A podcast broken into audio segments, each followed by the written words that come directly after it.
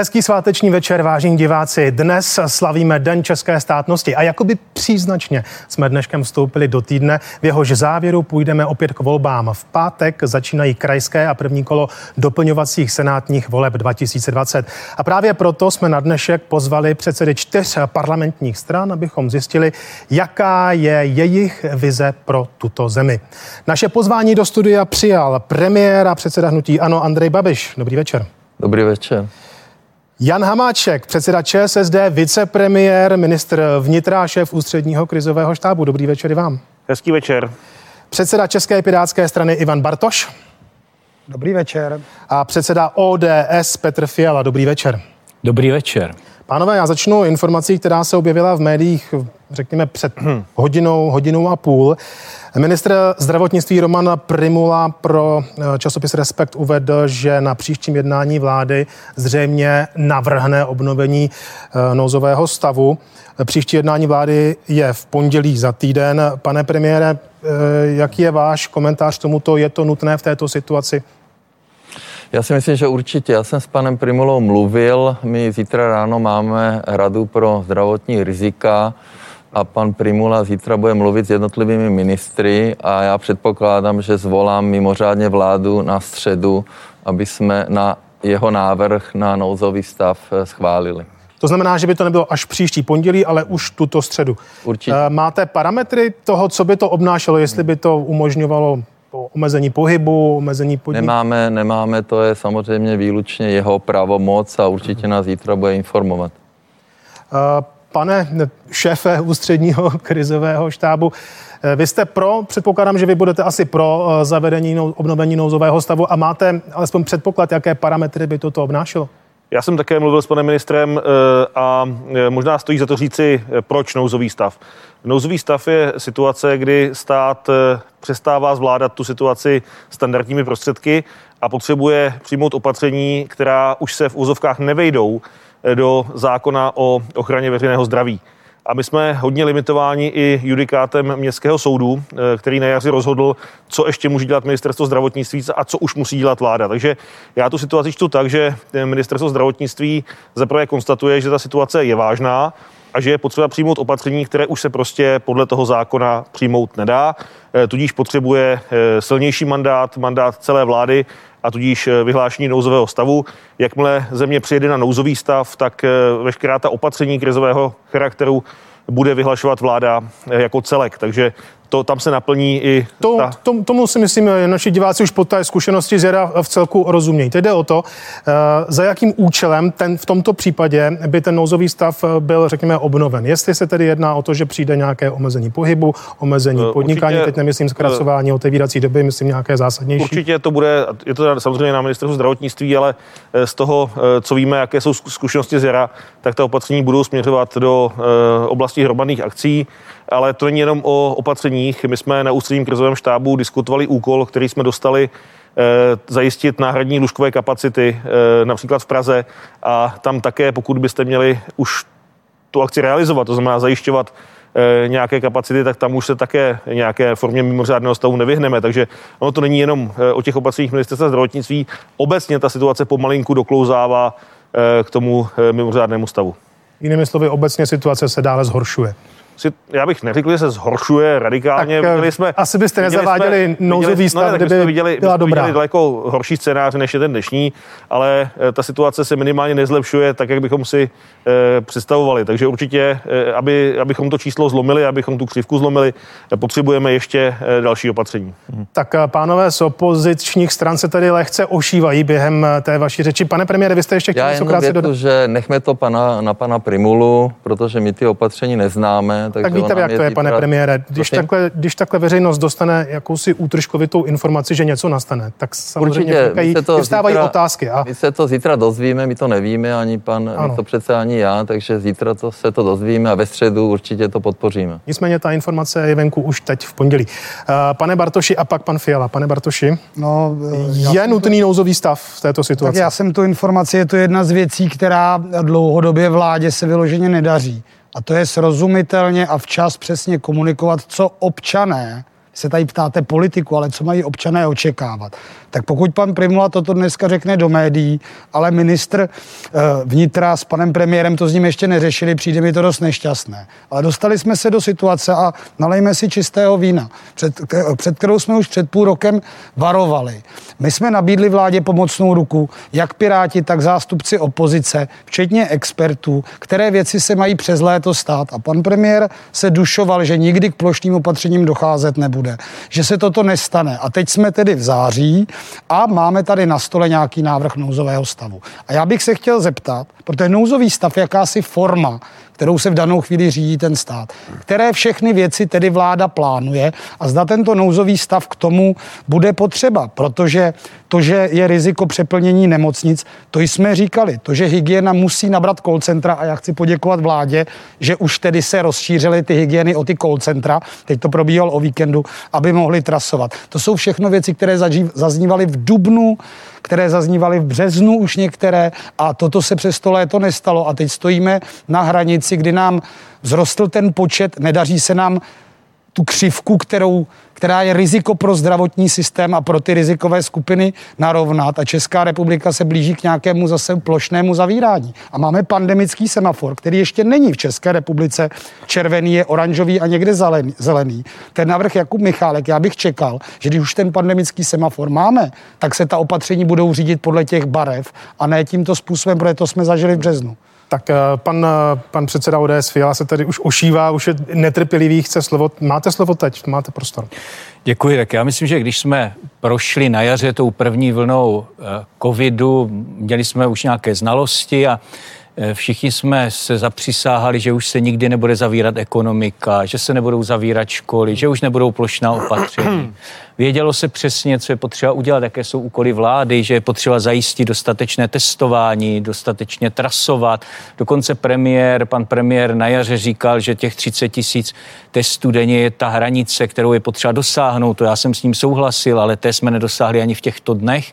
A to, co je jasné, je, že vláda prostě své úkoly nesplnila, že selhala. Hmm neříkala lidem pravdu a dnes jsme opravdu v situaci, která prostě není dobrá. Ale lidé, se oprávněně ptají, tak to jsme tím vším prošli zbytečně, to zase, jako jsme na tom, tak jak na tom jaře, stálo to půl bilionu korun, eh, zavřela se ekonomika, udělala se spousta opatření, všichni se dušovali, že už to znovu nebude a jsme znova ve stejné situaci. To je prostě špatně, je potřeba to pojmenovat, vláda tady nesplnila úkoly, ke kterým se hlásila a neudělala svoje domácí úkoly, neudělala, co měla a to je bohužel dnes důsledek té situace. Podle mě ale přesto nejsou pro ten nouzový stav podmínky. Jestli dneska vláda hrozí nouzovým stavem, tak to jednoduše znamená, že ta opatření, která přijmul nový ministr, přijal nový ministr zdravotnictví, že jsou zřejmě neúčinná a že to dostatečně nefunguje. Říkali jste nám, bude to na 14 dní, pak to bude jinak. Ano, Teď přicházíte s nouzovým pane stavem. Předsedo. Já si myslím, že to je špatně. Teď se vlastně hlásili Já... oba dva pánové, pan premiér, vicepremiér, tak pane premiére, reagujte. Hlavní důvod, proč pan Primula přichází s nouzovým stavem, je to, že už ty nové opatření byly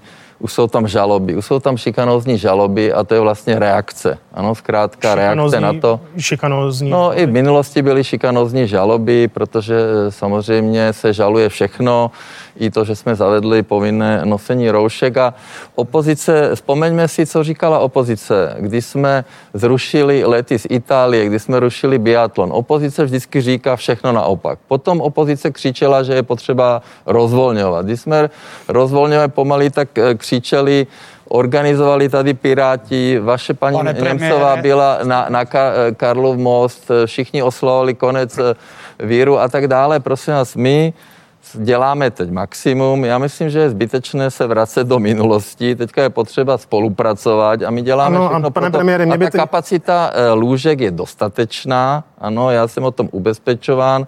Mám samozřejmě připravujeme nějaké varianty, pokud by se nepodařilo ten, tu křivku spouštět. Jenom nerozumím tomu, co je na, ale, na žalobách eh, šikanozního. Proč se to označilo právě šikanozními žalobami? Protože se někdo ohradí no, No to je, ta, to, to je názor legislativců ministerstva zdravotnictví. A kdo tedy šikanuje? Kdo ale já nevím, to jsou různé, tady jsou různí právníci, kteří žalují jenom z plezíru. Ano, eh, já tedy ještě, ještě než se začnete úplně hádat, pánové, tak vysvětlím, proč vy máte respirátory a roušky a já je nemám ve studiu, v televizních studiích samozřejmě platí uh, speciální výjimky za předpokladu, že dodržíme určité pravidla, to je například mimo jiné vzdálenost, ale respektujeme svobodné rozhodnutí každého z našich hostů, proto pánové se rozhodli, že eh, ochranu úst mít budou. Pane vicepremiére, pak pan Bartoš a pak pan Fial. Já, já nedostanu, rozumím tomu, proč opozice vystupuje, jak vystupuje. Nicméně kladu si otázku, jestli teď je ten správný moment, abychom se hádali, kdo ten barák zapálil, když nám eh, hoří všechna patra.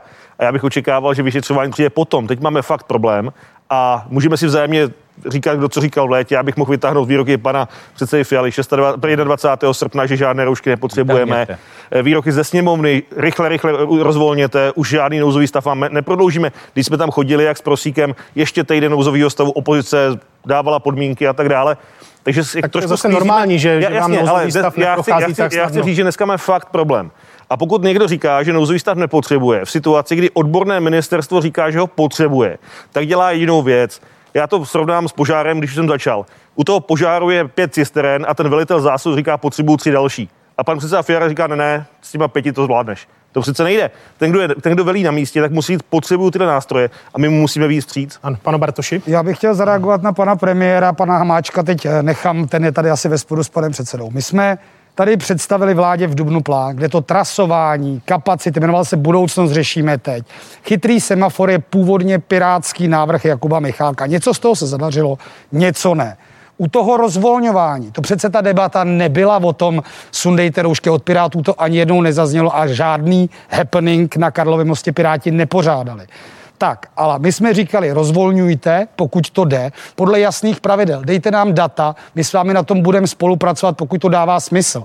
A zatímco jsme chodili v rouškách běhat do lesa a nemohla být otevřena ani elektro na rohu, kam přijde 40 lidí za den, takže ten majitel si to vohlídá, nejsou tam dva lidi najednou, tak se otvíraly hobby markety tady nějakých zpřízněných kamarádů pana premiéra. Ale, to byl ten problém. Ale prostě ne, ta vláda umí, prostě, ta vláda ne, umí vypnout. To není pravda. Prosím, ta vláda umí pravda. vypnout a zapnout. Nic mezi tím není. I teď ty hospočtí, kdyby jsme se inspirovali v cizině, stoly dva metry od sebe. Obsluhuje pouze číšník, který má roušku. Jsou tam jasná pravidla. Ale když ty lidé ta pravidla ale neslyší, je, ta vláda neukáže ta data, tak v danou chvíli prostě ty lidi to i odmítají poslouchat. To byl ten zásadní problém, je to nedůvěra těch lidí. Já byl o víkendu v regionech a tam prostě se buď to na covid věří nebo nevěří. A to je ale špatná komunikace vlády. Tak to, ono to, to v Praze chaos. asi nebude o moc jiné. Jenom eh, bude reagovat eh, pan Fiala, pak eh, pan Hamáček.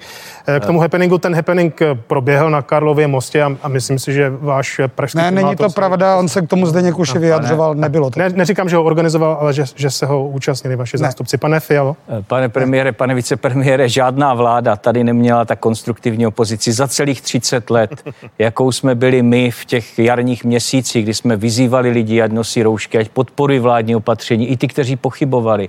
Neházejte na nás to, že jste prostě nezvládli tu situaci, že všechny ty věci, které jste sami slibovali, testování, to jsou čísla, která jste řekl vy, byla správná, ale nedodrželi jste to. Trasování, nic z toho jste nepřipravili. Nepřipravili jste se na ta opatření dostatečným způsobem. Dneska vymýšlíte na koleně, co se má dělat a co se bude zavírat. Na to jsme měli být dávno připraveni. Nebyl jsem to já, kdo říkal, nestrašte druhou vlnou, vzkázal Babiš opozici, plošná opatření už nikdy nezavedeme. Nebyl jsem to já, kdo říkal ještě nedávno, Andrej Babič. Rozhodli jsme se správně, lidé jsou z roušek otráveni. A když teda mluvíte o tom Karlově mostě, já jsem nečekal, že eh, tu debatu povedete takto zbaběle, tak k tomu chci říct eh, dvě poznámky. První, na tom Karlově mostě přišli lidé slavit vítězství nad covidem, o kterém jste jim vyřekli. Vy, pane premiére, zvítězili jsme, jsme nejlepší v Evropě, dokázali jsme to. Druhá věc, ti lidé na tom Karlově mostě se chovali velmi ukázněně, bylo to pod kontrolou hygieny. Hlavní pražská hygienička řekla, všecko jsme kontrolovali, nikdo se nenakazil, lidé se chovali ukázně. Tak to tady nevytahujte. Vy jste nezvládli svoje domácí úkoly, vláda je nezvládla. Tak to neházejte na lidi, neházejte to na média, neházejte to na opozici a dělejte aspoň no. teď nějaké kroky, které teď povedou pan, k tomu, že ta já situace vám, pane předsedo, ale pan Hamáček, ten už nám skoro vyskočí z židle, tak teď bude reagovat pan Hamáček a pak dostane pan premiér. Eh, mě, mě, mě fascinuje eh, obsah té debaty. My máme fakt problém. Podle některých modelací nám může, teoreticky, když nic neuděláme, v půlce října skolabovat zdravotnický systém. A my se bavíme o tom, že popravíme kapitána, protože to řídí blbě.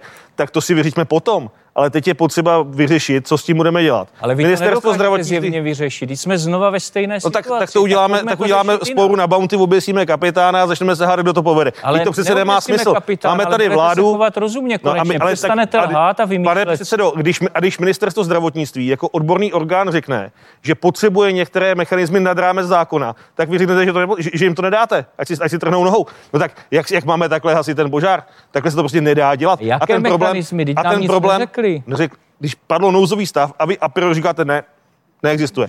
Protože to nedopadne dobře. Pan premiér chtěl reagovat, tenhle tak, přístup uh, nedopadne ano, dobře. Pane vicepremiére, já, já, dopadne, když budeme já to zásadně odmítám. Tady my od února vlastně pracujeme naplno od rána do večera, aby jsme zvládli ten virus, aby jsme ochránili zdravých našich lidí. A my jsme to zvládli. Tu první vlnu jsme zvládli a zvládneme i druhou vlnu.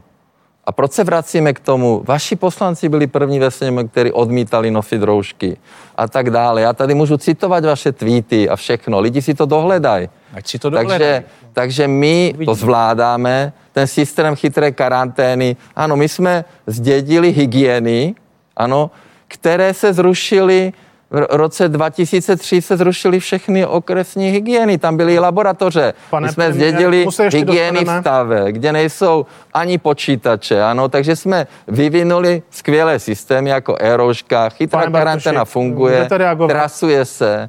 Takže já odmítám to a já chci poděkovat všem, protože tam jsou zdravotníci, hygienici, kteří pracují už půl roku s plným nasazením a vy to tady jenom dehonestujete ty lidi. Vy totiž ani nemáte představu, co to, ano, to obnáší. A pane Bartoši, prosím. Budu, budu reagovat naprosto bleskově na ten výrok pana Babiše. Myslím, že to byl pan předseda Vondráček, který řekl, že ve sněmovně se i přes nařízení roušky nosit nemusí. Pirátský klub roušky nosil celou dobu, protože jsme chránili naše kolegy. Druhá věc, a to si myslím, že není pravda, a já opět tedy nabídnu tu ruku. Pan Babiš se dal slyšet, že do krizového štábu žádní odborníci za opozici nemohou, protože by tam jenom remcali.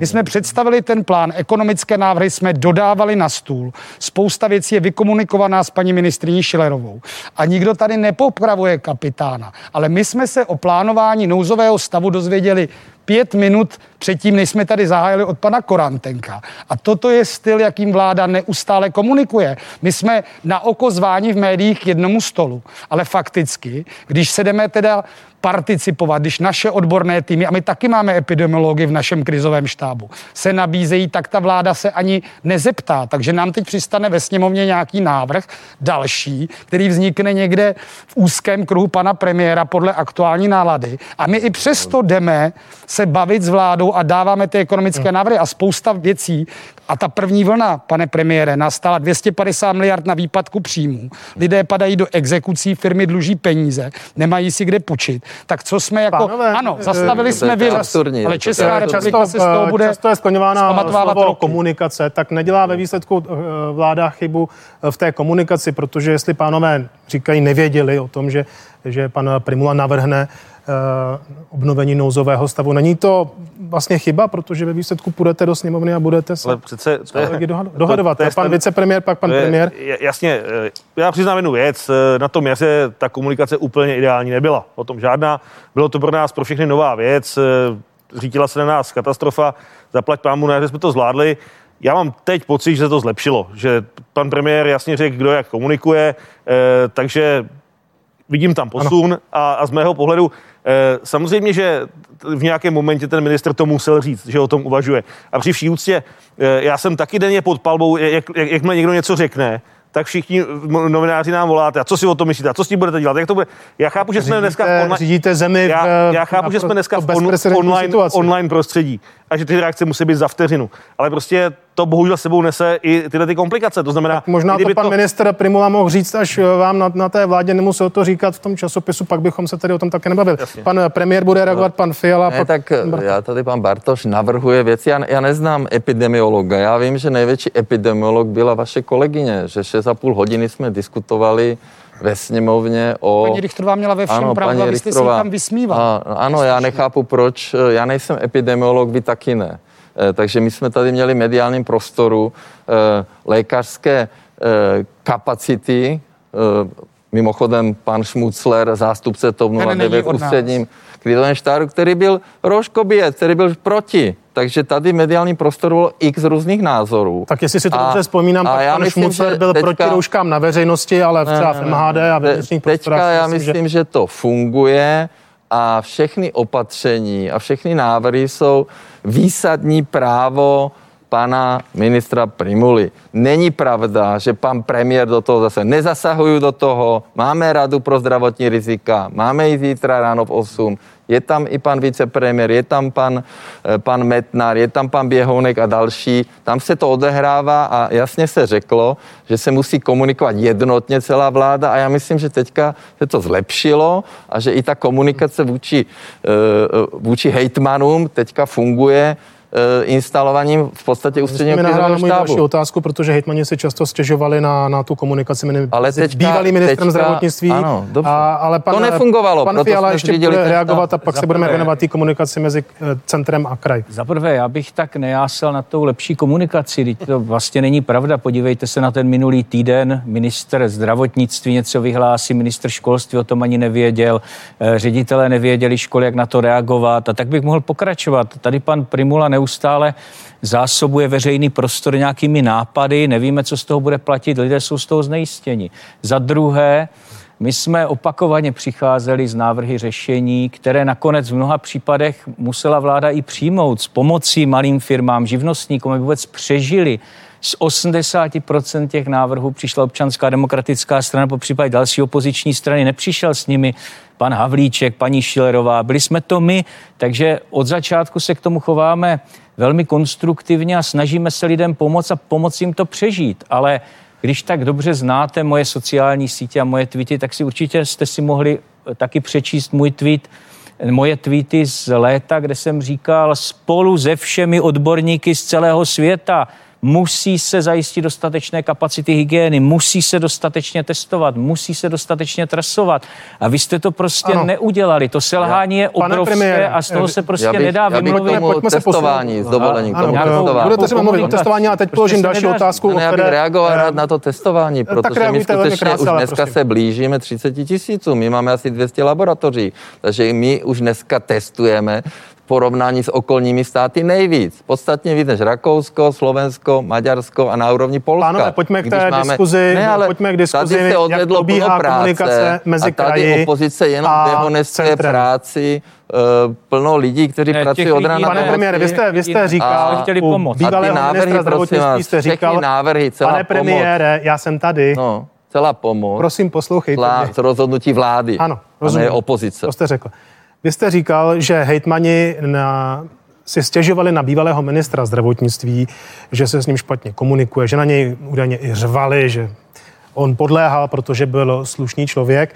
Jak tedy probíhá, jak tedy probíhá ta komunikace mezi hejtmany a ministerstvem zdravotnictví, potažmo uh, krizovým štábem teď, protože máme nového ministra zdravotnictví. Mimochodem pět z těch hejtmanů, co vytvářeli nátlak na bývalého ministra zdravotnictví je vašich lidí, tak uh, Prosím tam se asi eh, nedá mluvit o myslím, nějaké že- opozici. Že je zbytečné se k tomu vracet. Ne, já se Hlav- ptám, jak to je teď. No, já bych to chtěl říct. Hlavní důvod zřízení ústředního krizového štábu, je to moje rozhodnutí, ne vlády, předsedy vlády, bylo právě ta komunikace s kraji.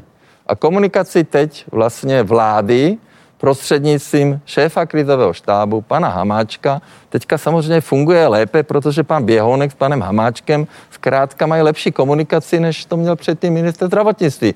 Tím jsme to vyřešili a já myslím, že je to dobře, protože samozřejmě i kraje mají povinnosti. Ano. I krajům psal minister zdravotnictví dopis 8. dubna 2020, jaké si mají po, plnit povinnosti. A ne všichni je plnili. Tak oni říkali, že se špatně komunikovalo. Já- tak já eh, komunikovalo pan Hamáček, pak pan Bartoš a pak pan Fiala. je otázka, jak to funguje, tak následovně. Každý den sedí stálá pracovní skupina ústředního krizového štábu, kde je zástupce za kraje pan hejtman Behounek, jednou týdně eh, celé plénum ústředního krizového štábu, eh, kde jsou přizváváni i další zástupci jednotlivých rezortů, to je ten celý velký krizový štáb. A jednou až dvakrát týdně je videokonference vedení krizového štábu a hejtmanů. To znamená minimálně jednou, spíš dvakrát týdně. Já hovořím se všemi hejtmany eh, formou videokonference. Současně každý den z krajů chodí na krizový štáb požadavky, žádosti, eh, podněty, které se u hasičů zpracovávají a předkládají se k projednání. To znamená, ten mechanismus, to je standardní krizové řízení, ten naskočil, funguje stoprocentně a z mého pohledu žádné stížnosti na komunikaci ze strany hejtmanů nyní už nejsou. Tak pane Bartoši. Já jsem chtěl, já předpokládám, že tenhle pořad je teda pro diváky, ne pro ty hejtmany a že ty už si tedy cestu najdou. Ale jestli ta komunikace je teď lepší, tak se pojďme podívat na to, co se skutečně děje.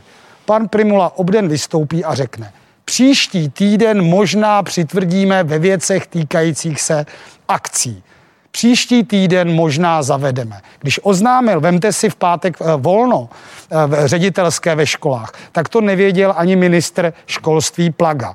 A teď, co si z toho lidé, po případě podnikatelé mají vzít? A já se vrátím k jedné věci, která si myslím, že byla důležitá, kdyby se používala. A to je ten pandemický semafor, kdy každá barva znamená nějaká opatření, která se zavádějí. A vy víte, že když ta barva bude taková a taková čísla, které dat, která bohužel vláda nezděluje, tak když to teď budeme dodržovat, tak tam zůstaneme a nic se nestane. Do toho, a je to, myslím, že třetí bod v tom krizovém zákoně je důležitá komunikace. Co dělali zahraniční země? Jednou týdně, protože ta situace se to, co vidíme dnes, je situace deset dní stará. Jednou týdně prostě vystoupí vláda, vyhodnotí, co se stalo, a prostě to přece ten minister má naprosté právo říct, já to nebudu komentovat. Hlavní den, kdy sděluji informace, a ne hejtmanům, těm s těmi komunikuje běžně, ale lidem, aby věděli, jestli ráno mají s rouškou nebo ne. Samo hospoda, jestli teda má ještě narazit další sud, nebo už to nemá smysl, protože zítra neotevře. To je ta nejistota, která je u lidí, ano, pane... ekonomice a bohužel se to jako projevuje třeba i na inflaci, protože nikdo neví, co bude za týden. Pan premiér bude mít prostor reagovat, ale teď pan Fiala. Když se ta situace začala zhoršovat a vláda si nevěděla rady, tak jsme přišli s eh, takovým plánem nazvaným krize pěti bodů.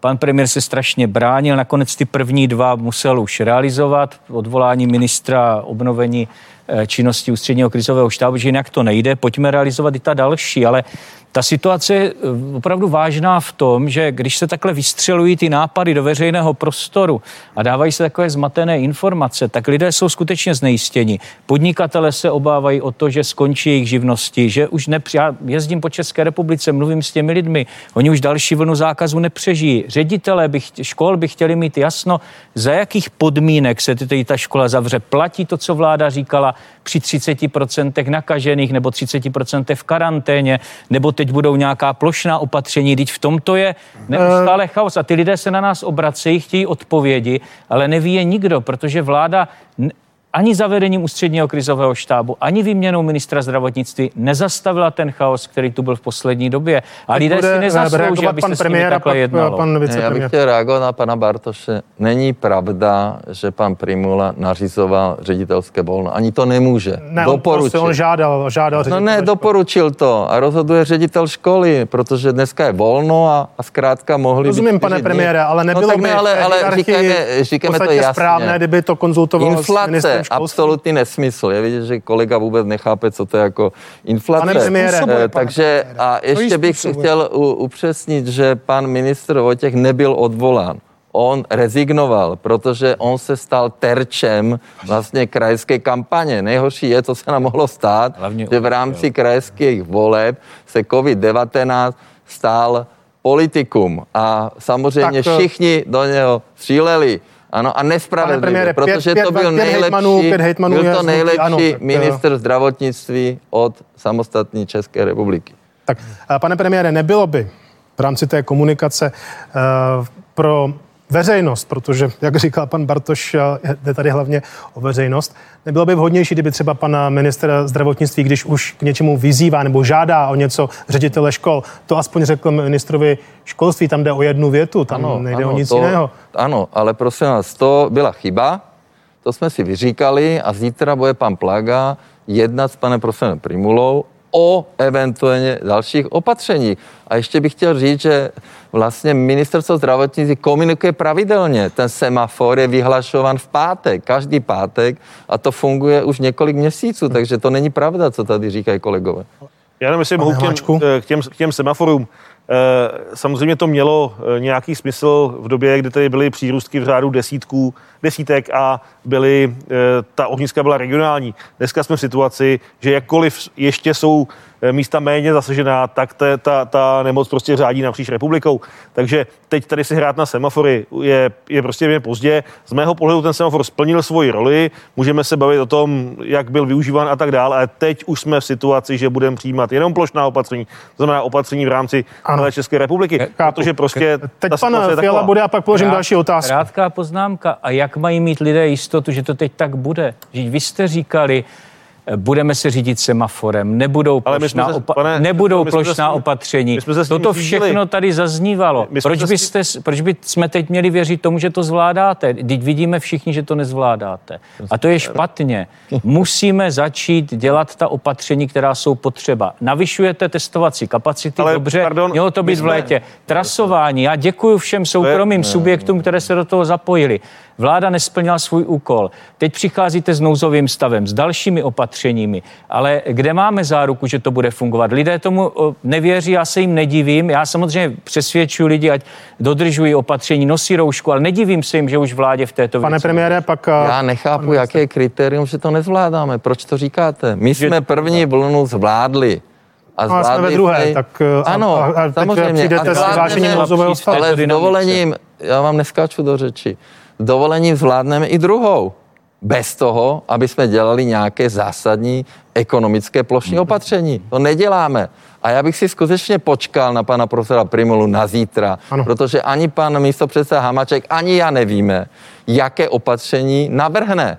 Ano, a je to jeho výsostní právo. Tak jestli... Víte, že bych skoro čekal, pane premiére, že budete aspoň tušit, eh, co, co to bude obsahovat, když už je to v časopise. My, my to samozřejmě tušíme, ale eh, nepřijde nám rozumné teď to debatovat předtím, než to, než to, než to oznámí ministerstvo zdravotnictví, nebo než to projde nějakou další odbornou debatou. Ono těch možností moc není, stačí si přečíst pár analýz Zera. Ale, ale eh, k těm zaprvé, já si myslím, že bohužel se tady točíme na slovíčku plošné.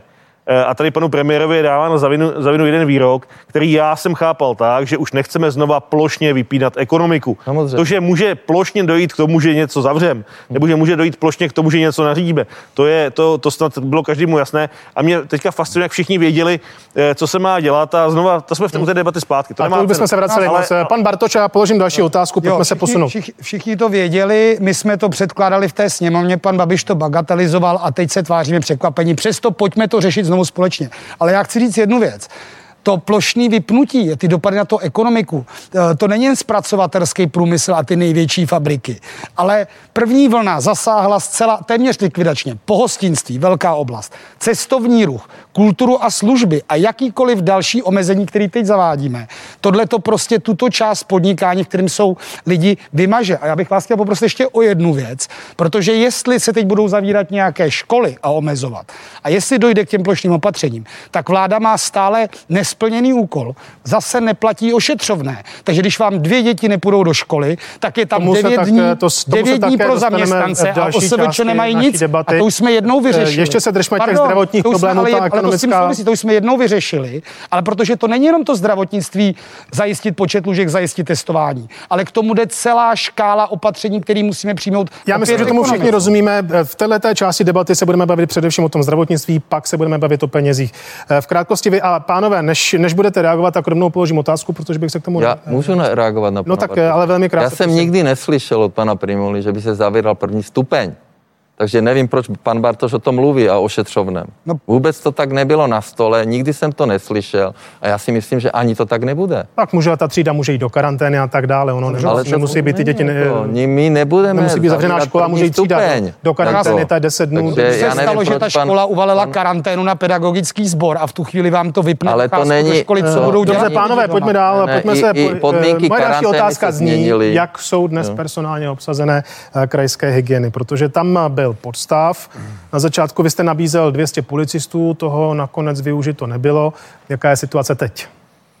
Můžu na to odpovědět. To je spíš otázka na pana premiéra. premiéra. No ne, my samozřejmě eh, pokračujeme. Eh, za prvé eh, zavádíme tu e-roušku. Samozřejmě jsme angažovali plno navolávačů, tam už je asi 300 nových eh, lidí, i dokonce z úřadu vlády je tam 58, takže tohle všechno se řeší. Problém byla, nebo je ještě Praha, střední Čechy, to se vlastně teďka znižuje ten, ten sklus a samozřejmě měla by začít Eh, vlastně to sebereportování, tím by ušetřili čas i občané, i hygieny. A musíme posílit Prahu a, a Pane a premiére, teď si myslím, že nejednoho diváka takže, doma eh, v obýváku napadne, proč jsme se na to nepřipravili jako Česká republika někdy během léta jsme přece museli před pane jednou zase přijde nějaká hygieny další byly epidemie. totálně zdecimované. Kdysi ještě roku 2003 jsme měli okresní hygieny, které měly i laboratoře. To se ptejte tady, pána. Ano, to jsme proč tady probírali proč už. je eh, zdecimovali, ne mě. Jako ne, ale decentralizované, neměli ani počítače. Ukončili tu první Nikdo vlnu, se o ně nestaral. v, v srpnu ano, ale že my může jsme první vlnu byla úplně jiná situace. My jsme to začali budovat od znovu a udělali jsme víc elektronizace zdravotnictví za půl roku, než všichni naši ano. předchůdci. Pan Fiala bude já. reagovat a pak pan Hamáček. Eh, já to řeknu klidnými slovy a klidným tónem, ale to sdělení je opravdu ostré. Pane premiére, to je fakt vážně zbabělá argumentace. Víte, jak dlouho je vaše koalice u moci? 2450 dní. Vy jste mohli udělat všechno možné a napravovat jakési chyby z minulosti, o kterých tu mluvíte. Ale to je jediné, co umíte.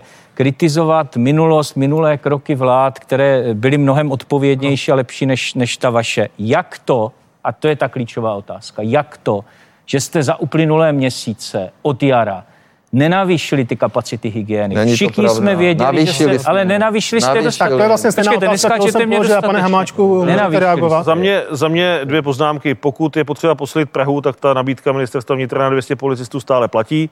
Eh, druhá věc, eh, proč jsme neposlali přes léto? Protože služební zákon tak si všichni vzpomenete debatu o služebním zákoně, eh, tak ten máme kvalitní, ale eh, podle ní nabrat člověka na hygienu podle služebního zákona není otázka týdne. my jsme přes léto úpravu legislativní, domluvili pane, bychom se na ní. Pane předsedo, my jsme přes léto připravili na ministerstvu vnitra, protože to spadá pod vnitro státní služba, eh, novelu z toho zákona, ale prostě to musí do sněmovny, to je, to je složitý ano. proces. A prostě nabrat člověka do státní Pane Bartoši, během, během můžete reagovat, vy jste se hlásil slovo. je fakt složitá věc tak eh, ta kapacitní omezení hygie, hygieny zaměstnanců, ale i finanční, jako to není, to, to není uh, Hygiena není věc, která je připravená nebo byla připravena na nějaké kritické momenty. Když třeba byly povodně, zemřelo tam lesní zvěř, tak se řešilo eh, odstranění té zvěře. Ale na tu krizovou situaci skutečně a tam i historicky byla velmi důležitá role armády v té první fázi.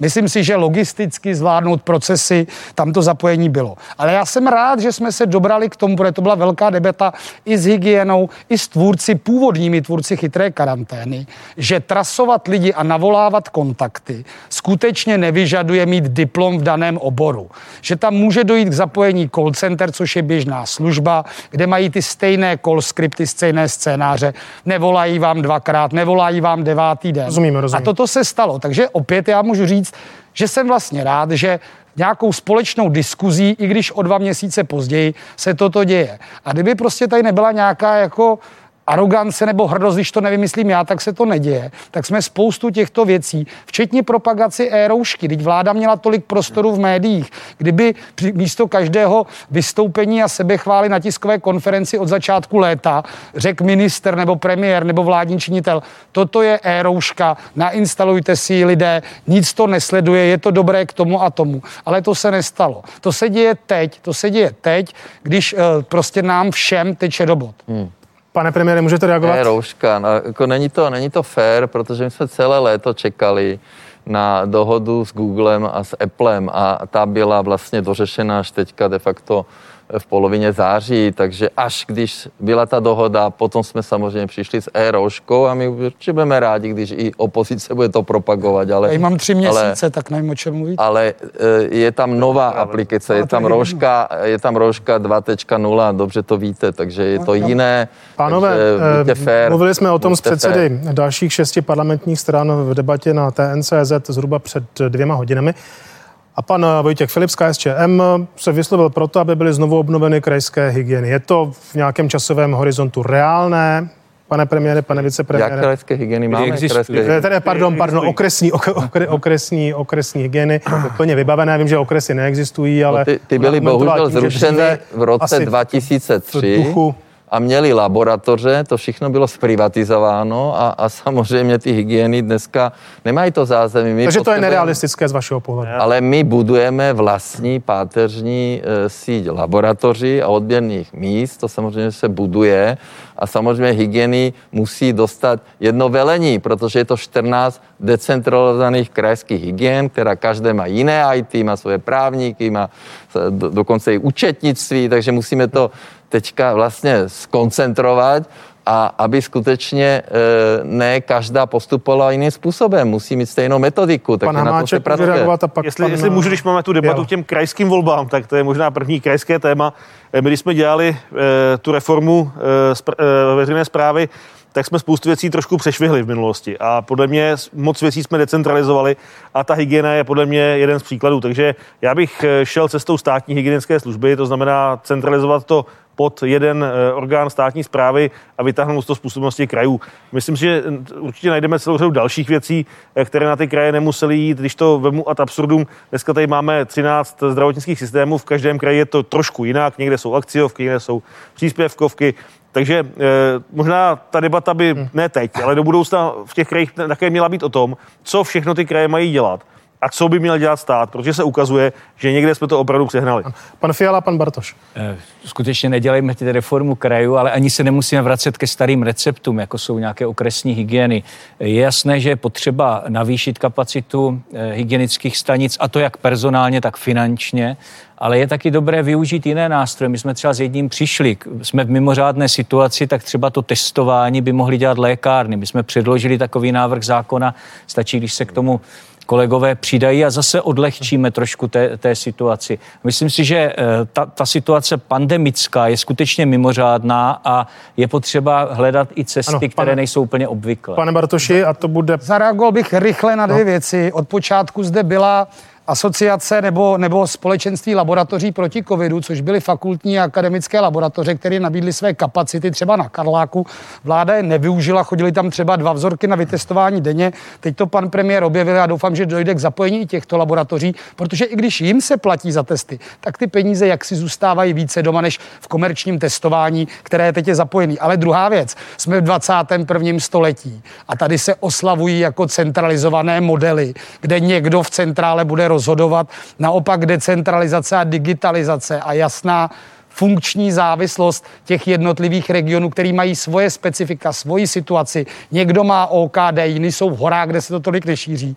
Jako pojďme se Kdyby bylo, kdyby existoval osvícený, osvícený pan premiér Ale- nebo někdo, počkejte, kdo to pánové. dokáže řídit, Ne. tak chápu, že to na teď centrále... velmi krátce, Ne, eh, jedna, velmi jedna krátce, jen prosím jenom Jako jednu. Te, teďka pan Bartoš mluví o decentralizaci a předtím mluvil o semaforu. Vždyť semafor je Jako- centrálně. Semafor ukazuje, jaká je situace v regionu. mluvíte, jako- Prosím vás, teď už je dokončit. to, teď už je to v podstatě... Ne, Předpokládá, že ten, kdo řídí, ví, co dělá. A Pokud, ze, pane Bartoši, teď pokud pan ze Hamáček. 14 hygien jich uděláme 80, tak to je recept do pekla.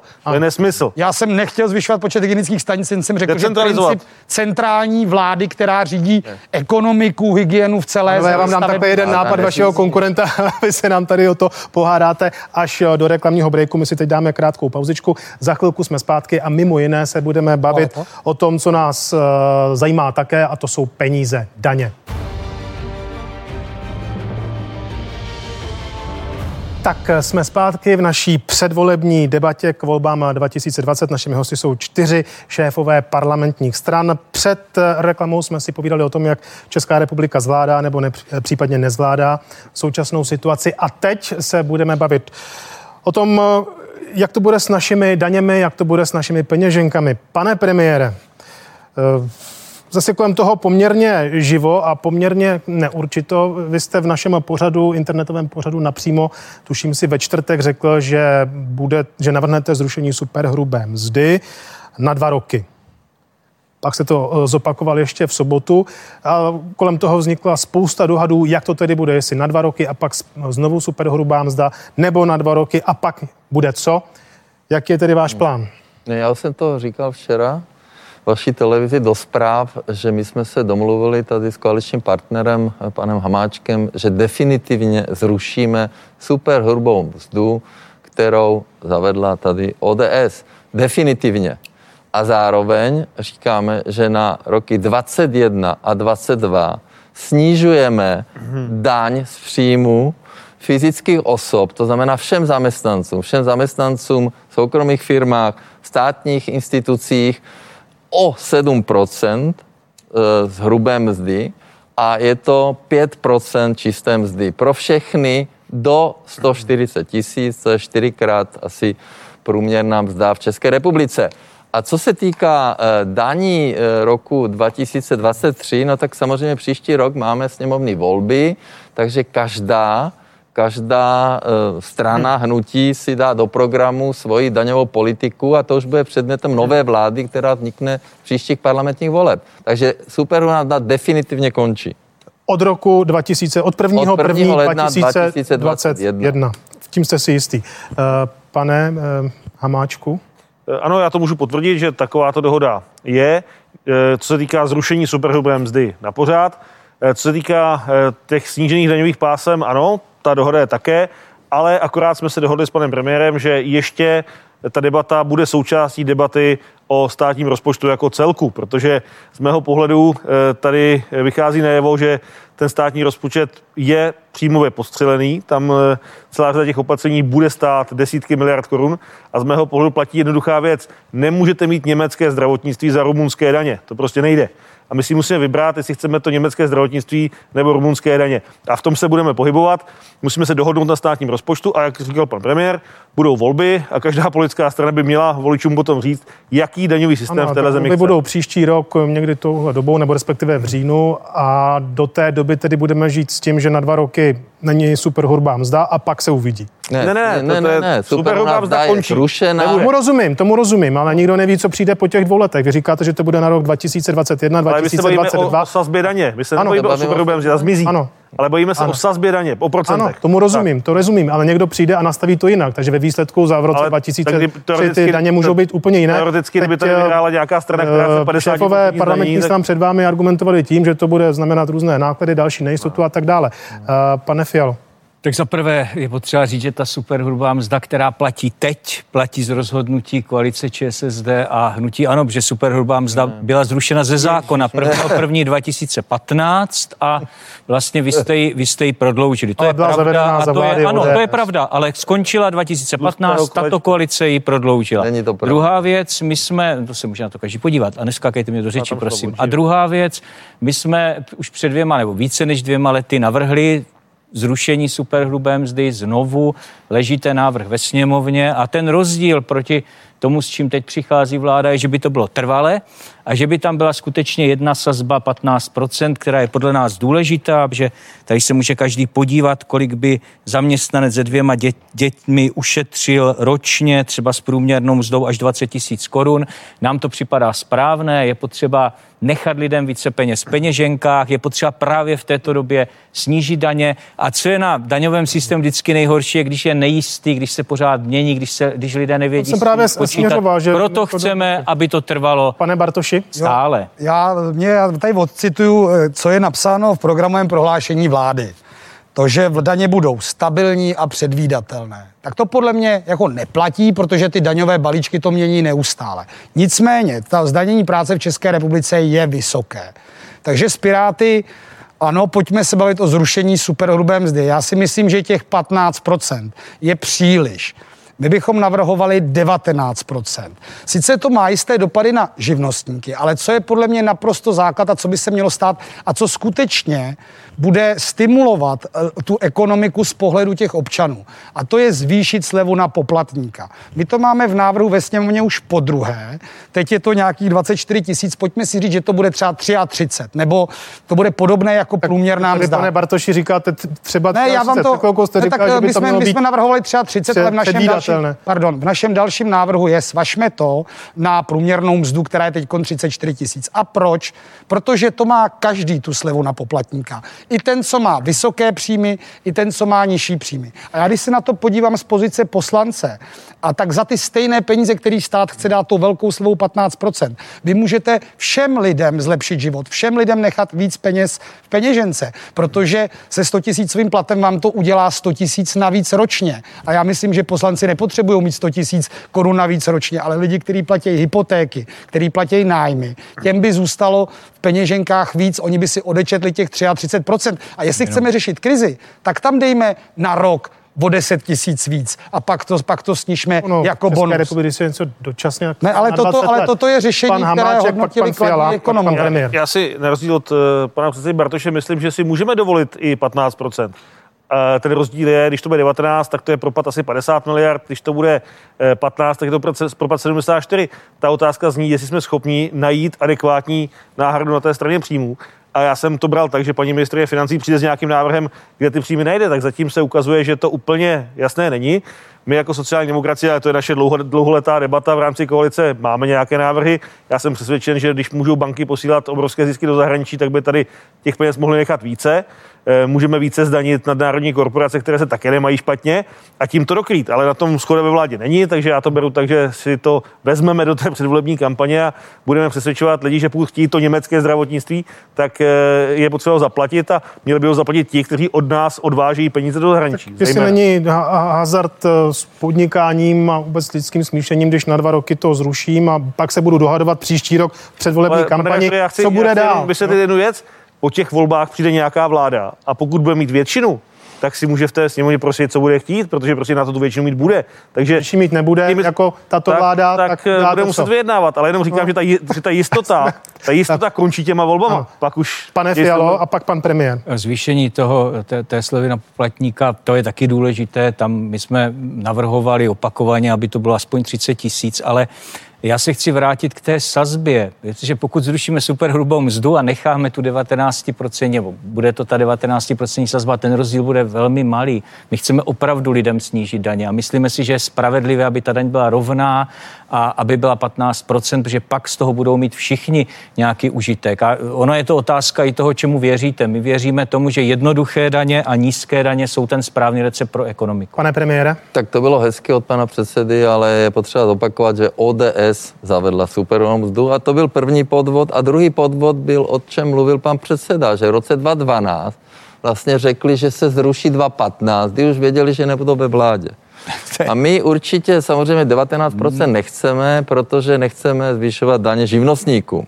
Ano, měli jsme to program prohlášení vlády, pan Bartoš má pravdu, že jsme nepředvídali, že přijde COVID-19, to jsme skutečně nevěděli, za to se omlouvám, ale zkrátka my teď chceme podpořit lidi, ano, a zkrátka na dva roky my jsme přesvědčeni, že to potřebujeme podpořit, jako... protože my tím vlastně šetříme i zaměstnavatelům pan Bartoš, pan Fiala, protože firmy nemusí, jak firmy mohla vědět, nemusí navyšovat nebude ve vládě, mzdy, ale... kdybych to mohl doříct, firmy nemusí navyšovat mzdy, ani stát, ano, protože zrušením superhrubé a znížením daně vlastně šetří 7% hrubého, takže i firmy ušetří a lidi dostanou peníze. No, pan, pane předsedo, pas... počkejte, pan Bartoš se hlásil před vámi, pan Bartoš pak vy. Já bych chtěl jenom zdůraznit, protože pan premiér se eh, tady hovoril o těch živnostnících, proto je důležitá ta kombinace. Snížit tu daň, na nějaký limit a zároveň zvýšit slevu na poplatníka. Ta se vypočítávala z průměrné mzdy v době, kdy průměrná mzda byla 20 tisíc. Ta teď vyrostla o třetinu, takže fakticky každý rok, když rostou průměrné mzdy, tak se zvyšují daně, protože vy si odepisujete stále stejně. A proto tato kombinace snížení té sazby, zrušení superhrubé mzdy a zároveň zvýšení slevy na poplatníka dává i těm nízkopříjmovým tu výhodu. Jinak, je to, jinak hodně těch peněz vlastně zůstává tam, kde se hodně peněz vydělává. A já si myslím, že ta kombinace dá ideální rozprostření té výhody skrze tu společnost. Já myslím, že diváci rozumí. Diváci snížit daň a... Uh, Vymyslí a opravdu lhaní. Andrej Babiš to si těžko poslouchá. Já myslím, že si diváci udělají sami obrázek. Tak ODS 2012 věděla, že nebude ve vládě, proto zavedla roku 2015, co to je za hloupost. Ale já to vezmu pozitivně a budu to brát tak, že vy, pane premiér, když to teď navrhujete na dva roky, tak víte, že příští rok nebudete ve vládě. A v tom já s vámi souhlasím, my vás skutečně nahradíme a potom lidem snížíme daně trvale. Beru to takto. Vy jste se hlásil, pane Já jenom k tomu, co říkal kolega Bartoš, tak eh, samozřejmě eh, musí, taky je potřeba vzít do úvahy, komu vlastně eh, chceme pomoct, protože dneska jsme v situaci, že ti opravdu nízkopříjmoví už dneska žádné daně neplatí, protože ty, ty položky odpočítatelné jsou natolik vysoké, že spíš ještě ten stát prostě už nic tomu státu neodvádějí. A otázka je, že tím, že bychom zvedli tu odpočítatelnou položku, tak možná zase pomůžeme příliš a, a ten stát zase přijde o víc peněz. Takže z mého pohledu jako velmi opatrně, eh, abychom, abychom eh, neskončili, takže tady nebude platit ani nikdo a e, ten stát bude v obrovských problémech, protože znovu říkám, e, já si myslím, že v té koronakrizi se ukázalo, že to, co, ten, to, co potřebujeme, je fungující a silný stát, který na to umí reagovat na ty problémy. My nechceme podfinancované hasiče, nechceme, aby policisté si museli půjčovat od krajských hejtmanů na benzín, jako to tady bylo za vlády ODS. Prostě to už jsme to už všechno za náma. My tedy chceme zaplatit, chceme, aby měli kvalitní techniku, aby fungovali v případě potřeby. A tohle žádný slabý stát nezvládne. Ten stát ano. musí být robustní a byl připraven na takovýhle, takovéhle výzvy pane Já bych rád reagoval. Premiér, možná by taky ještě půžní bych dodal, ale slibuje pane premiére. snižování daní. Vždy ODS sliboval před volbama. Když byli ve vládě, navýšili daně, to je ta supernost, dá všechny DPH, dan z nabití, zrušení slev, vždycky ODS daně navyšovala. A to, co slibovali, nikdy nesplnili. Tak nikdy. Pan Bartoš se hlásil, pak bude. Já bych chtěl jenom říct, když jsme protože ty slevy na poplatníka každý rozumí, to je důležitý. My jsme i na začátku té krize, když paní ministrině začala vymýšlet 25, která nakonec zafungovala, tak my jsme přišli s návrhem, že by umožnila vláda vyplatit tu slevu, kterou vy si uplatníte, až budete danit za tento rok, lidem okamžitě, pokud o to požádají jako bonus. Každý tomu rozumí, ministerstvo financí by o tom mělo přehled, nikdo by nic nemusel vyplňovat a všichni ti, co by pracovali, tento rok a udělali si daně za tento rok, by si to buď to odečetli, pokud by to nevyužili jako bonus, nebo nebylo to těch 24 tisíc, možná to vláda mohla i dočasně navýšit. Opět to je mechanismus, jak dát lidem peníze do ruky. V tom roce to dělá třeba v tom průměru asi 8 tisíc korun. Já si myslím, že to je zásadní. A neupouštěl bych od toho. Rozhodně to kompenzuje. Pan předseda Fiala teď. Bere to stejné peníze jako ten rozdíl ano. 4%, ale rozprostírá to mezi všecky, ne mezi ty vysokopříjmové. My jsme v tom snižování daní velmi důslední v opozici a bušíme do těch dveří tak dlouho, až se otevřou. Jeden příklad občané vidí a pocítí ho a to je zrušení daně z nabití nemovitosti, které jsme prosazovali dlouhá léta. Nakonec jsme, nakonec jsme o to zavedli. přesvědčili, pane premiére, nevymýšlejte si pořád, až, až jsme o tom přesvědčili i vládní koalici. Teď doufáme, že přesvědčíme o zrušení superhrubé mzdy a zavedení jednotné sazby 15%. Abych ještě strašně rád, aby v souvislosti s tou pandémií jsme přesvědčili vládu, ať pomůžeme pomůžeme živnostníkům a malým firmám, ať se prodlouží to odpuštění eh, pojistného eh, sociálního a eh, odvodu pro malé firmy, pro OSVČ do konce roku. Platilo to do konce srpna, teď ta situace je znova špatná, je tu velká nejistota, nechápu, proč to zatím vládní koalice odmítá. Ještě bychom to mohli stihnout aspoň, a aby ještě... to platilo do konce roku a hodně by to pomohlo. A ještě Pane premiére, chcete další vlny EET jsme, by se podle jsme, mě teda neměly zavádět. A neměly by se zavádět další vlny EET, na tom se určitě shodneme. My jsme podpořili všechny v rozsahu 185 miliard. Od OSVČ, SRO, DPP, DPČ, nájmy, snížili jsme DPH na ubytování a další věci, a myslím, to všichni vědí. Jenom, jenom si představme toho podpoře, hostinského, který podnikatelů a vůbec práce Dobře, ale v České republice, pánové. Eh, chci mluvit ještě eh, po další přestávce. Teď ještě se držme tohoto tématu. To znamená tedy, že superhrubá mzda bude prvnímu první 2021 zrušená. Ano. Ta sazba bude, kolika by to diváci věděli, ta sazba 15%. Snížení daně z příjmu, všichni zaměstnanci ušetří a uvidí to na pásce. Budou dvě sazby, tedy původně bylo, bylo řečeno. 15 a 23. 15 a 23, ta 23 bude od 140 tisíc. To platí pořád. Ano respektive 139 9, To platí pořád. Ano. A co se ukáže, co vyprodukují příští volby, tak od toho se odvinou eh, daňová povinnost od roku 2023. Co to udělá se státními příjmy? Protože to je výpadek eh, četl jsem od 70 až do 85-90 miliard. 74. Prosím vás, já bych chtěl říct, že eh, naše vlády, protože to je už druhá vláda z ČSSD, od roku 2014, my jsme znížili ten dluh, který jsme zdědili tady od pravice, byl 41,5 vůči HDP. Znížili jsme ho na 30% v roce 2019. Eh, ano, takže spatříme mezi nejméně zadlužené země v Evropě. A koncem tohoto roku budeme stále mít nižší dluh, než jsme ho zdědili od, tady od ODS. A příští rok samozřejmě se ještě trošku zadlužíme, aby jsme se potom vrátili, ale Trošku ještě stále, znamená ale kolik? ještě stále, ještě stále budeme v první pětce nejméně zadlužených zemí Evropy, protože jsme šetřili, znižovali jsme. Pánové, ano, pojďte, našetřili pojďte jsme reagovat, a teďka ale můžeme velmi, velmi podpořit stručně. ekonomiku a lidi. Ano. Eh, za prvé, vláda se dostává do rozpočtových potíží už před pandemí. Teď máme půl bilionový dluh, 50 tisíc na každého, na každého občana. To je prostě špatná vizitka, ani se to úplně neutrácí na ty opatření podporující ekonomiku. Můžeme se každý podívat, 136 miliard tam je, ale ten zbytek eh, Pánové, tam to jde. A to, 85. Tlačí nás čas, pojďme a to, co je podstatné, my každý prosím, rok krátce. navrhujeme a ukazujeme konkrétně ve sněmovně, jak se dá ušetřit na, na činnosti státu. Ne na tom, že budeme šetřit na občanech. Musí se šetřit Ano, na státě. pane Hamáčku, Já- prosím, já- to jde udělat já samozřejmě. Já za tím, že eh, minimálně po příštím roce dojde na naše slova, že ten stát je rozpočtově eh, příjmově podseknutý. To znamená, ta vláda, která přijde potom, aby zajistila kvalitu těch služeb na současné úrovni, bude muset nějakým způsobem upravit příjmovou stránku. Sociální demokracie to říká dlouhodobě, máme na to naše recepty a znovu říkám, pokud někdo odváží peníze z České republiky, tak má tady platit vyšší daně. Tečka. Ano, pane Já Bartoši. jsem se zatím moc nevyjadřoval k sociální demokracii, ale byla to, myslím, ministrině Maláčová, která řekla, že bavit se o zdrojích příjmů státního rozpočtu je v rámci debaty plitké.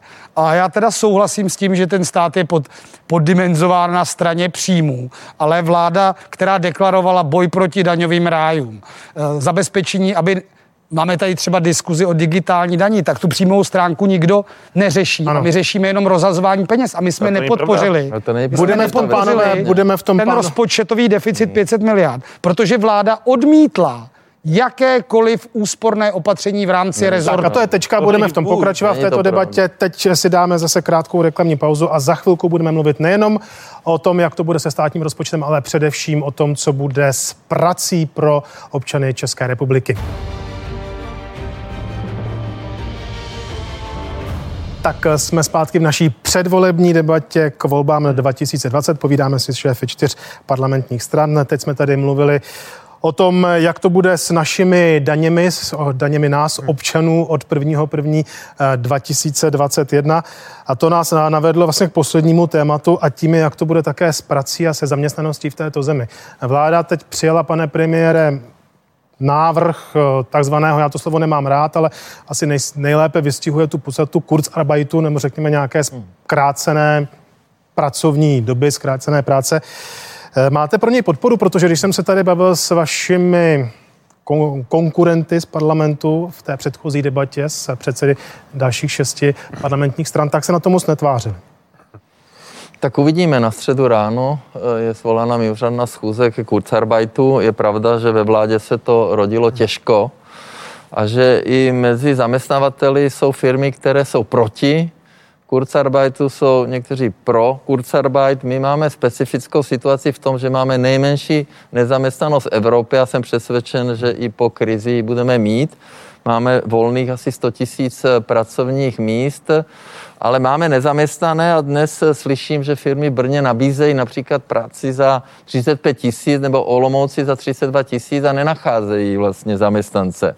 Je tady velká poptávka po, po eh, pracovnících z Ukrajiny, takže bude to složitá debata. My eh, jsme rozhodli o antiviru do konce října. To je významná podpora pro naše mm, eh, firmy a uvidíme, jak eh, ve sněmovně budeme schopni schválit tenhle nový zákon, který eh, samozřejmě máme tady poprvé a je to pro příští období, protože v Německu to mají už, nevím, 50 let nebo, nebo déle a ta diskuse bude velice, 50. velice složitá. Eh, Pane vicepremiére, eh, paní Maláčová, což mimochodem ministrně za ČSSD říkala, že se tento návrh, že to je krvavý kompromis, tak by mě zajímalo, kdo bude krvácet, jestli jestli nakonec nebudou krvácet eh, buď to firmy, anebo, nebo zaměstnanci. No, my hlavně nechceme, aby krváceli ti, pro které to je určeno. Takže ten eh, kompromis je opravdu složitý. Já nějak nezastírám, že eh, kdybychom to ještě ve sněmovně mohli trošku vylepšit, tak bych se tomu vůbec nebránil, protože ta kritika ze stran zaměstnavatelů i zaměstnanců tady je velká. Takže a vzhledem k tomu, že jsme menšinová vláda, tak budeme hledat podporu Eh, napříč spektrem a pokud by se podařilo ještě některé věci odladit, tak by to určitě prospělo. Nicméně je potřeba říci, že nám se díky antiviru podařilo zachránit skoro milion pracovních míst a eh, to je velmi velký úspěch a chceme v tom pokračovat a nastavujeme velmi rychle tak něco, co Němci říká, mají. Že to je do konce října, to máme uh, Dobře, ale tak měsíc. pokud se ukáže, že, že nám nefunguje Kurzarbeit, tak budeme velmi vážně debatovat o prodloužení antiviru, hmm. protože nemůžeme ty lidi hodit přes palubu. Jo, to je si na to čas. Já Pane jsem rád, že tady zazněla výzva vůči, sněmo, eh, výzva vůči sněmovně. Eh, já jsem přesvědčen, že to není parametricky dobře nastaveno. Tam je ten rok čerpání a až dva roky rozložení. Jo. Druhá věc, která mi tam vadí, že tam není žádný vyhodnocovací mechanismus. Tam je v podstatě, že vláda zavádí nějaké jako plánované hospodaření, kdy rozhodnutím vlády se říká, která firma to má mít a která nemá. Zahraniční země mají odborné sekce, které vyhodnocují třeba perspektivitu nějakého oboru. A já bych nerad mělo dojít třeba k uzavření OKD, aby jsme živili management, když nám jde o ty horníky, aby se prostě dávali ty peníze firmám dle rozhodnutí vlády. A poslední věc, eh, a já si myslím, ono to bude nákladné, jo, tam se hovoří o 3,2 miliardy měsíčně, aby jsme si skutečně, když tady je poptávka po 100 tisících pracovních míst, jako nedrželi nějaká odvětví, která prostě nejsou perspektivní. Já si myslím, že by tam měla být kontrola a to rozhodnutí, kdo ty peníze dostane, by mělo být zcela transparentní a mělo být být na kratší dobu. Pane Fialo? Vláda to připravovala pět měsíců, my na to máme asi 100 hodin, ale přijdeme s pozměňovacími návrhy. Podle nás to, co je teď připraveno, je opravdu špatné. My chceme zvýšit, aby ta podpora byla pro zaměstnance, kteří odpracují 50 až 90% Dneska tam stačí jeden den, to je hrozně málo. Chceme, aby to maximum té podpory bylo 1,5 až 1,8 průměrné mzdy. Vláda navrhuje 1% což zabrání udržet si ty výše kvalifikované lidi, o kterým těm zaměstnavatelům jde. A chceme, aby se neplatilo hmm. sociální pojištění z poskytnuté podpory a zdravotní pojištění platil stát. To jsou některé z těch podstatných pozměňovacích návrhů návrhu, se kterými přijdeme do sněmovny. Pánové, už nás eh, trošku hmm. tlačí čas. Eh, vidím, že tady, pane Hamáčku, s tím hmm. Kurzarbeitem budete mít hodně práce. Ten určitě asi neprojde v této podobě, si to doufám uh, odhadnout. Ale paní Maláčová, Ona také kritizovala to, že vlastně nejsme připraveni na případnou další vlnu vyplácení ošetřovného. To znamená, že tady nemáme žádný mechanismus, kdyby automaticky nastoupilo uh, vyplácení ošetřovného dílek 9 dnů. Potřebujeme ho v této situaci? To je další velmi složitá debata ve vládní koalici. My si, my si myslíme, že ano a hnutí ano, že ne, tak se budeme muset dohodnout. Mhm. Eh, pane premiére, eh, ona to dávala vinu za vám, že vy odmítáte jakýkoliv návrh automatického eh, spouštění ošetřovného nad rámec těch devíti dnů. To znamená, že ho nebudeme potřebovat v žádném případě? Já nemám informaci o tom, že bychom chtěli zavírat školy prvního stupně. Proto ta debata není teď na stole, není ano. relevantní a my samozřejmě takovým ošetřovním můžeme si vzpomenout, jak to bylo v červnu, kdy v podstatě ani nemocnice neměli personál, firmy neměly personál, takže pokud by taková situace vznikla, tak určitě se budeme o tom bavit, ale teď to není na stole. Pane Bartoši, a prosím velmi, velmi stručně, abychom no, aby, vás nepřipravili aby, aby potom, o vašich 30 sekund, které jsme aby vám... potom nebylo pozdě, protože ta hmm. otázka hmm. zní ještě jako, teď, teď se bavíme o těch zaměstnancích, kolik máme, 4 miliony zaměstnanců, ale my máme ty čaře, kteří to nemají vůbec. Jo, a tohle to, když se potom náhle změní situace, a tady zaznívaly docela možné velmi špatné scénáře, tak to zase budeme horko hmm. těžko pitlikovat někde Pane na mimořádné schůzi. Teď je potřeba udělat všechno pro to, aby zaměstnavatele mohli udržet pracovní místa. Je potřeba snižovat eh, jejich odvody dlouhodobě a teď do konce roku jim to prominou. To je ta správná cesta. A já jsem rád, že jsem slyšel od pana premiéra, že se nebudou plošně zavírat první stupně základních škol. Tak, pánové, mm, jsme v hmm. podstatě téměř eh, na konci. Já jsem vám slíbil, že každý z vás dostane 30 sekund na to, aby eh, hmm. promluvil k voličům a přesvědčil je, proč by měli volit právě vaše kandidáty. Pane premiére, tady je vašich 30 sekund. Takže vážení spoluobčané, prosím, přijďte k volbám. Tyto volby jsou pro naše hnutí strašně důležité. A my máme lídry, kteří jsou skutečně pracovití. A myslím, že i v minulosti prokázali naši hejtmani, že jsou skvělí hejtmani. A my potřebujeme skutečně se teď semknout. My potřebujeme, aby kraje, obce a vláda spolupracovali, aby jsme společně překonali tuto krizi, aby jsme se vrátili k prosperitě naší skvělé země, která je plná pracovitých lidí. A já vám za to moc děkuju. Tak vy jste se trefil naprosto přesně. Pane Hamáčku, vašich 30 sekund. I já bych chtěl vyzvat všechny občany, aby přišli k volbám a ujistit je, že volby budou bezpečné. Bude bezpečnější jít volit, než jít nakupovat. A co říká mě osobně, mě velmi těší eh, vysoká podpora, které jsem dosahoval v těch posledních průzkumech veřejného mínění, ale člověk nemůže být na věci sám. A pokud chcete, abych pokračoval a nadále pracoval v tom, v čem mi věříte, tak prosím, volte kandidáty sociální demokracie, volte hejtmany, volte senátory, kteří jsou na kandidátkách sociální demokracie a sociální demokraté ukázali, že v krizi to zvládnou. Ivan Bartoš a Česká pirátská strana. Dobrý den, Piráti jsou v české politice 11 let. Máme 22 poslankyň a poslanců, kteří odvádějí tvrdou práci. Pracujeme stejně intenzivně ve vedení tří největších měst České republice a jsme ve vedení Evropského parlamentu. A teď nás čeká další meta. Proto vás prosím, dejte nám důvěru v těchto krajských i senátních volbách. My chceme kraje otevřít lidem. Je potřeba zmodernizovat nemocnice, zajistit dostupnou zdravotní péči, digitalizovat úřady. Musíme zapracovat na stavu silnic, řešit, aby naše děti měly kvalitní vzdělání. A proto tak, vás prosím, dejte Pirátům šanci Vy jste vyčerpal, pane předsedo. No a do čtveřice eh, předseda ODS eh, Petr Fiala.